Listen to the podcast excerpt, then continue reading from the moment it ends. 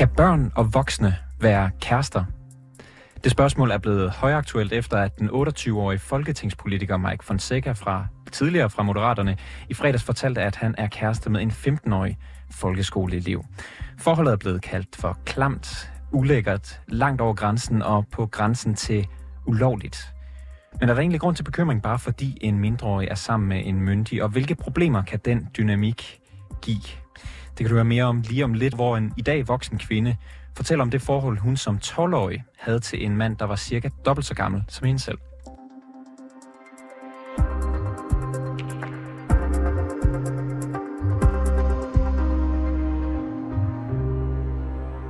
Nu skal du nemlig høre fra Maja Leonhardt Enevoldsen, der som 12-årig havde en meget tæt relation til sin cirka 10 år ældre mandlige træner. Et forhold, som Maja har fortalt om i TV2 Østjylland-dokumentaren Vores Lille Hemmelighed. Og det var præcis, hvad forholdet var en hemmelighed. Maja, hun skjulte nemlig de hundredvis af kærlige beskeder, som hun og træneren udvekslede på daglig basis. Og hun fortalte hverken sine forældre eller sine veninder om de kys og kram, som træneren gav hende, når de mødtes i smug. Men hvordan udviklede forholdet mellem den 12-årige Maja og hendes dobbelt så gamle, gamle træner sig fra et almindeligt forhold til mere end det? Det startede med at spørge mig om, da jeg talte med hende tidligere i dag. Altså vores relation startede egentlig meget professionelt. Øh, og sådan med, at det var handlede om, om sporten. Øhm, og så, øh, så udviklede det sig bare sådan til, at det var, der var meget sådan venlighed imellem os, og fordi at han jo var en ung fyr, øh, og hele holdet egentlig syntes, at ja, det var ret sejt at have en ung fyr, der sådan var så engageret i os og i, i vores sådan, øh, fritidsaktiviteter. Første gang, jeg sådan stussede over noget, det var, hvor at vi var på et stævne, hvor der så skulle varmecreme på, og det smurte han så på. Der var sådan lidt, at, at det er måske lidt underligt, det her. Det var der en grund til, at, at han havde noget med at gøre? Nej, øh, og fordi at det, det mest var mig, det ligesom skete for de andre. Altså, vi kunne godt smøre det på os selv. Hvad, øh, hvad tænkte du, da han øh, ville smøre det her creme på dig? Altså, det blev meget normaliseret, så på den ene side, så tænkte jeg sådan, nå jamen, det er da meget fint, og altså, at det er måske meget normalt. Øhm, og på den anden side, så tænkte jeg også, at det så er underligt, at, at det ikke var os alle sammen, det ligesom vedrørte. Og jeg synes også, det sådan blev meget intimt, men det var lidt sådan, hvad kan man sige, altså jeg følte mig også smiret, fordi at det netop ikke var alle, og fordi at jeg vidste, at mange fra holdet jo synes, at, at den her fyr ligesom var lidt sej og lidt pæn og sådan. Så, så der var mange blandede følelser i det. Du sagde, det blev øh, normaliseret på en eller anden måde. Hvad gav dig den tanke, at det var normalt? Altså alt hans adfærd, øh, den sørgede han på en eller anden måde for ligesom at normalisere over for os. Og jeg tror ikke, jeg kan forklare, hvordan, men altså det der med, at man ikke sådan i tale sætter noget, og at man bare gør det, og altså sådan, man bryder lidt en akavet stemning, der måske normalt vil opstå. Og så tror jeg bare, det er sådan en karakteregenskab, eller sådan, hvorpå at han bare formået at normalisere det, altså sådan på en manipulerende måde, når man opdager det. Kan det have noget at gøre med, at I, I jo også var, I var meget unge på det tidspunkt, ja. så I havde måske heller ikke det samme begreb om, øh, hvad der var normalt, øh, øh, som man ja, måske har, når man altså, bliver voksen? Ja, det har helt klart noget at sige, og fordi at, altså, at vi med alderen jo begyndte at blive mere engageret i den her sportsgren. Øhm, så vi synes også, at det måske var meget normalt, at vores træner var lige så engageret og sådan hjalp alle de steder, han kunne, inklusive det her så. Men øh, hvad kan man sige, det er jo ikke, øh, jeres forhold slutter jo langt fra der. Kan du ikke fortælle om, hvordan det udvikler sig, jeres forhold? Jo, øhm, altså det, det går meget på det her kropskontakt, inklusive for eksempel det her varmecreme. Øhm, og med, at det er mig, der øh, bliver udvalgt til at demonstrere øvelser, øhm, hvor han ligesom demonstrerer øvelserne på mig. Så det, det går meget sådan hurtigt fremad med, at der hele tiden er kropskontakt involveret, øhm, til at vi så er i kontakt hele tiden over i sms og det, der dengang hed MSN, hvor det er cirka 900 beskeder om dagen. Altså sådan, så skrev vi jo sammen ved siden af på sms. Altså, så vi er i kontakt 24-7, og så bliver det hurtigt til, hvornår vi egentlig skal ses. Altså, mødtes I også privat? Ja, øhm, altså vi mødtes hjemme hos ham, når det ligesom kunne lade sig gøre. Ellers så var det meget med at, øh, at tage hjemmefra tidligt og, øh, og mødes, inden at vi skulle træne, hvor at, så, at vi måske havde to timer, hvor at vi ja, kunne ses. Hvad lavede I der? Altså, hvad jeg sådan kan huske så meget tiden, så snakkede vi, og ved jeg ikke, altså, så tæt og sådan hele tiden den der, den der smirende og sådan anerkendelse, tror jeg, at du ved, det var måden var på, at så kunne man bruge tiden der på ligesom at komme tættere på en. Var der noget seksuelt, der foregik? Ja, altså der var et forhold, hvor det også var et seksuelt karakter. Har du lyst til at fortælle om mere specifikt, hvad det drejer sig om? Altså, det seksuelle karakter kan være mange ting, så det er også blevet sådan defineret som det. Det er jo både, at, at der var kys, og der var kram. Øhm, og så hvor jeg jo så senere hen har fundet ud af, at der har været øh, samleje. Og hvad, hvad tænkte du om, at altså, det her var en mand i, i midten af, af 20'erne, du var en pige på, på 12 år.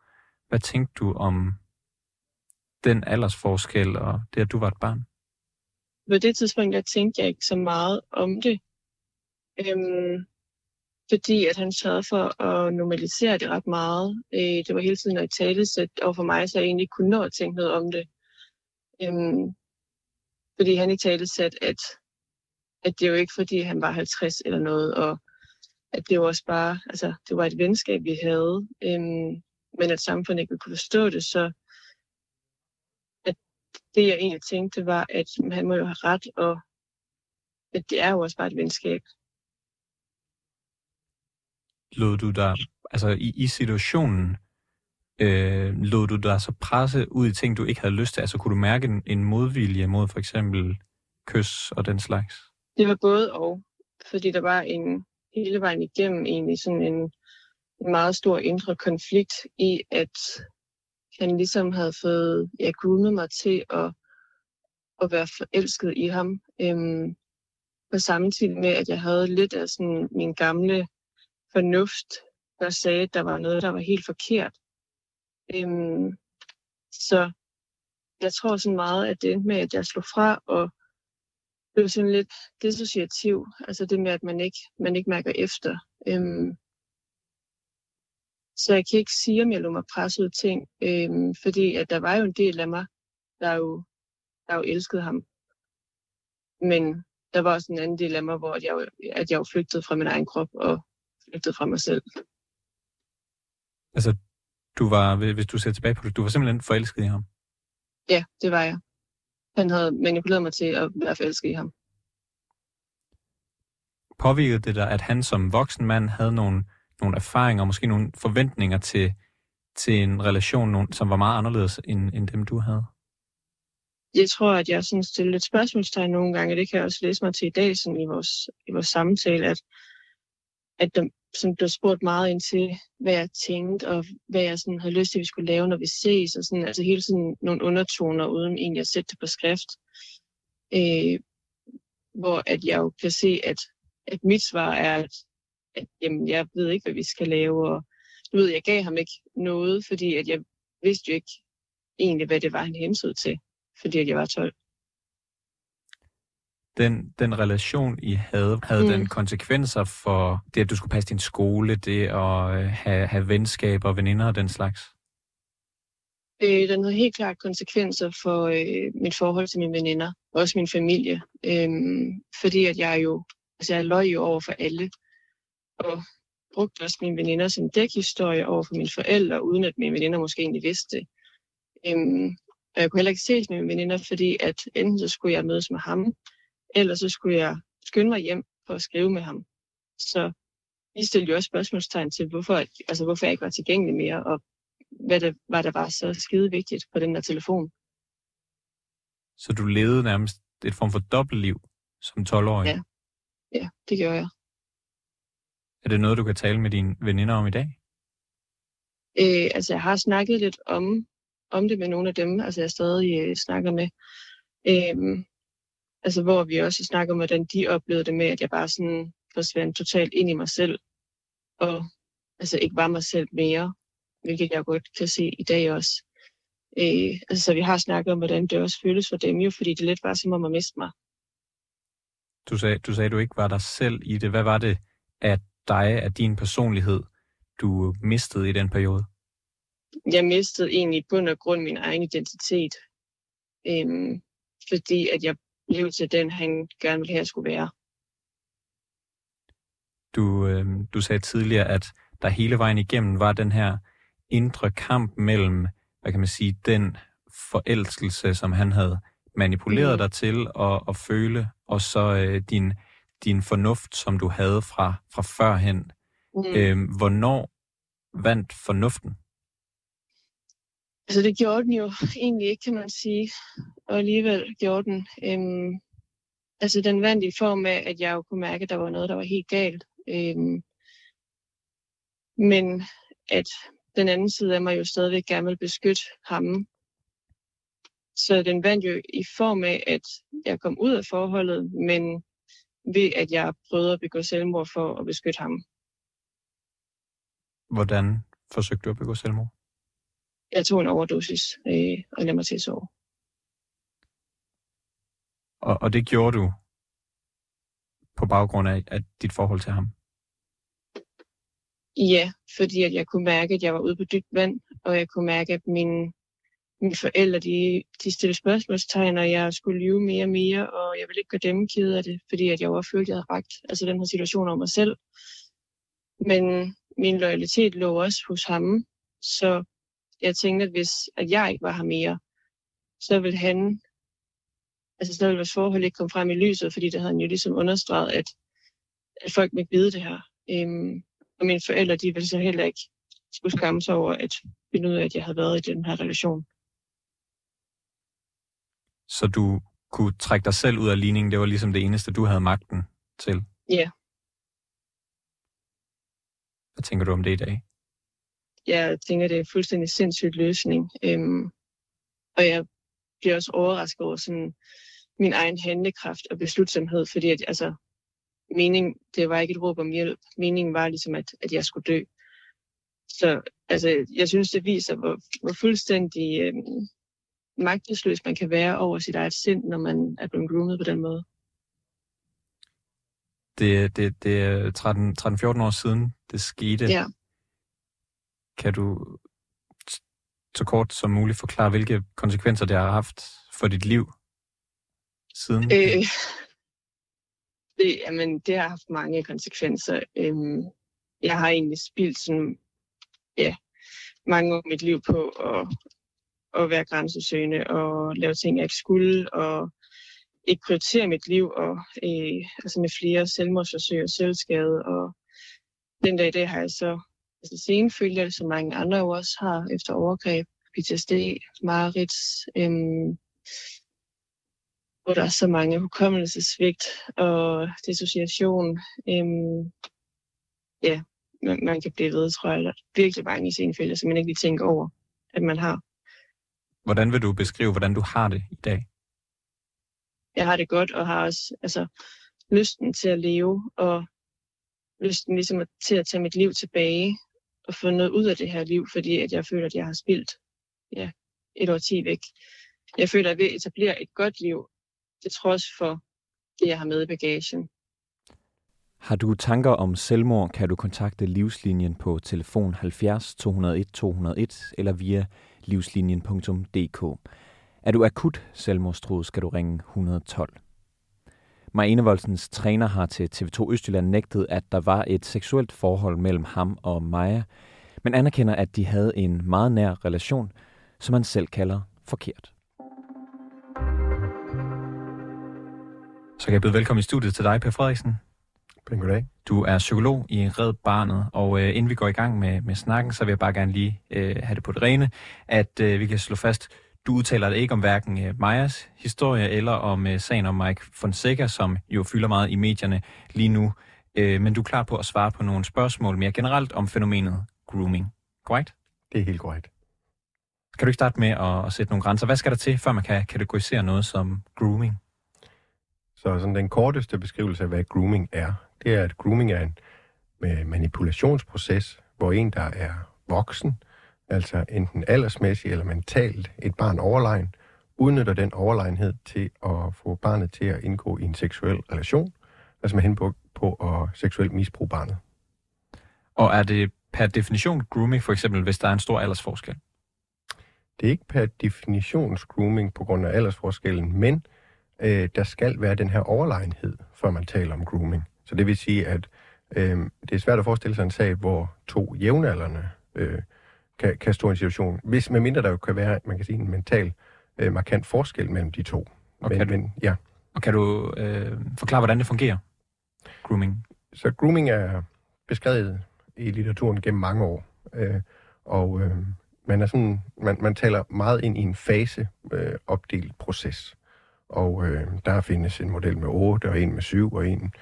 Den, man refererer mest til i dag, er, at der er sådan fem generelle øh, faser, som går igen, og som, som desværre er ret præcise, når man hører øh, fortællinger fra børn og unge, der har oplevet at være groomet, også når man læser øh, sager. Øh, og ja, nu ved jeg ikke, hvor god tid vi har, men altså, hvis man ligesom skulle prøve at korte det lidt ned, så kan man sige, der er helt klart en, en udvælgelse, der finder sted. Øh, altså man udvælger et barn, man på en eller anden måde, øh, hvis vi snakker fysisk grooming, man på en eller anden måde har fysisk adgang til. Øh, jo gerne, hvor man har en eller anden mulighed for at kontrollere barnets adfærd inden for rammen. Og det er jo derfor, der har været en særlig opmærksomhed i forhold til øh, betroet voksne. Øh, Lærer, træner og den slags. Lige præcis, lige præcis. Og så er der jo noget med, at man så går i gang med en proces, hvor man øh, opbygger en særlig relation nogle refererer det til som sådan den eneste ene fase, hvor man virkelig taler det her barn op, den her, øh, altså den relation op. Og man bruger nogle vendinger, som går igen, som er sådan, det, det er noget helt, helt særligt, det vi to har sammen. Der er ingen andre, der vil kunne forstå det.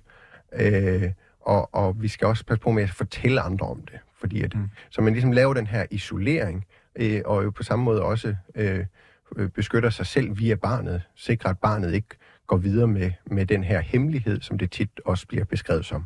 Og, og er det der, det slutter, eller hvornår begynder det at blive sådan rigtig øh, farligt?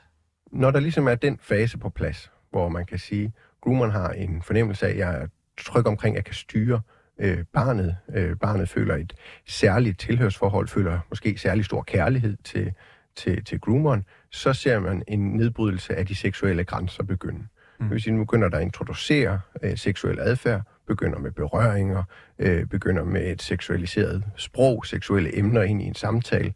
Øh, og, øh, og det vil jo stadigvæk, man kan sige, være opbyggende.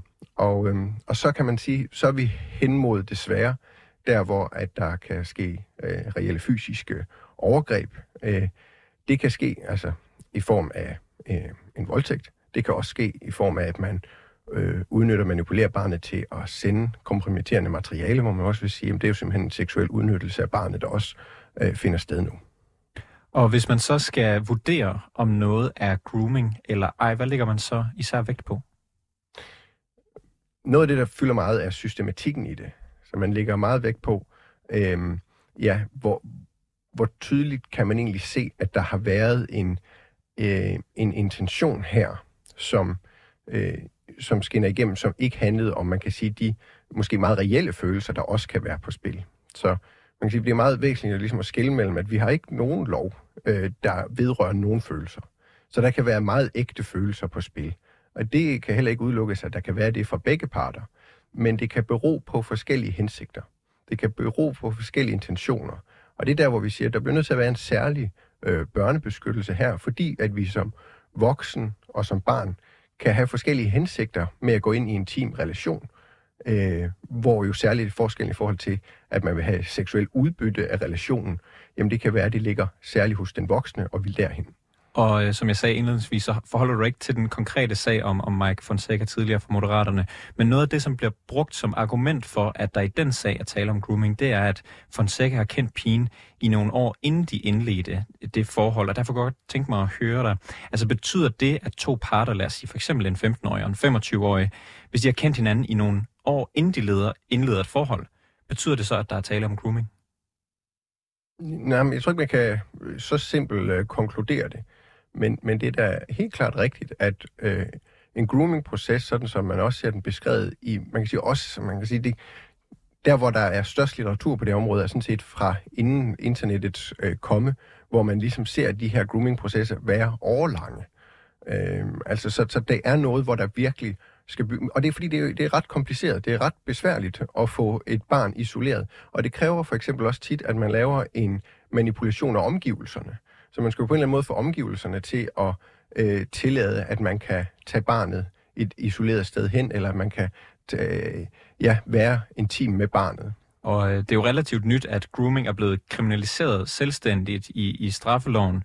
Har det haft en betydning?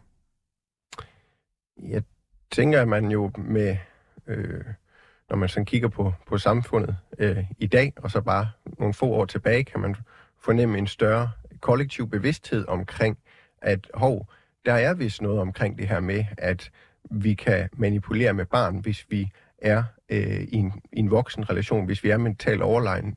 Øh, og og det, det kræver, at vi bliver skarpe på så at beskytte børn mod, at den, øh, den magt, det giver, ikke bliver udnyttet til at øh, tjene den voksne parts seksuelle lyster eller, eller tanker. Og nu, nu nævner jeg lige sagen med Michael Fortækker igen, men det er altså et generelt spørgsmål, jeg gerne vil stille, fordi siden han i fredags fortalte om sit forhold til en 15-årig pige, øh, der har spørgsmålet om grooming fyldt en del, fordi øh, han har kendt sin kæreste, siden hun var øh, 10 år. Fonseca's tidligere partifælle Monika Rubin var hurtig på tasterne og kaldte forholdet for et eksempel på grooming, og Mike Fonseca er også blevet politianmeldt øh, for den øh, paragraf, vi talte om øh, lige før. Øh, og det skulle du ikke vurdere, om, om det er grooming eller ej selvfølgelig, men skal man være påpasselig med at konkludere den slags ud fra øh, sådan delvise oplysninger, man kan have, for eksempel ting, der står i pressen? Jeg, jeg, jeg tænker næsten, at, at svaret ligger i spørgsmålet, at, at selvfølgelig skal man være meget påpasselig med det, ja. Kan, der, kan det have konsekvenser, hvis man er for hurtigt ude med det her begreb? Jeg, jeg tænker, der bliver talt mere ind i en, øh, måske en juridisk kontekst, øh, end, end, end jeg lige sådan udenbart øh, vil kunne svare på. Okay. Per Frederiksen, psykolog i Red Barnet. Tak fordi du var med i programmet. Tak for det. Og det var alt for reporterne i denne omgang. Har du noget, som vi skal undersøge her i programmet, eller har du ris eller ros til redaktionen, så kan du altid skrive til os på reporternesnabelag247.dk. Bag historien her var Klar Edgar. Mille Ørsted er redaktør, og mit navn er August Stenbrun.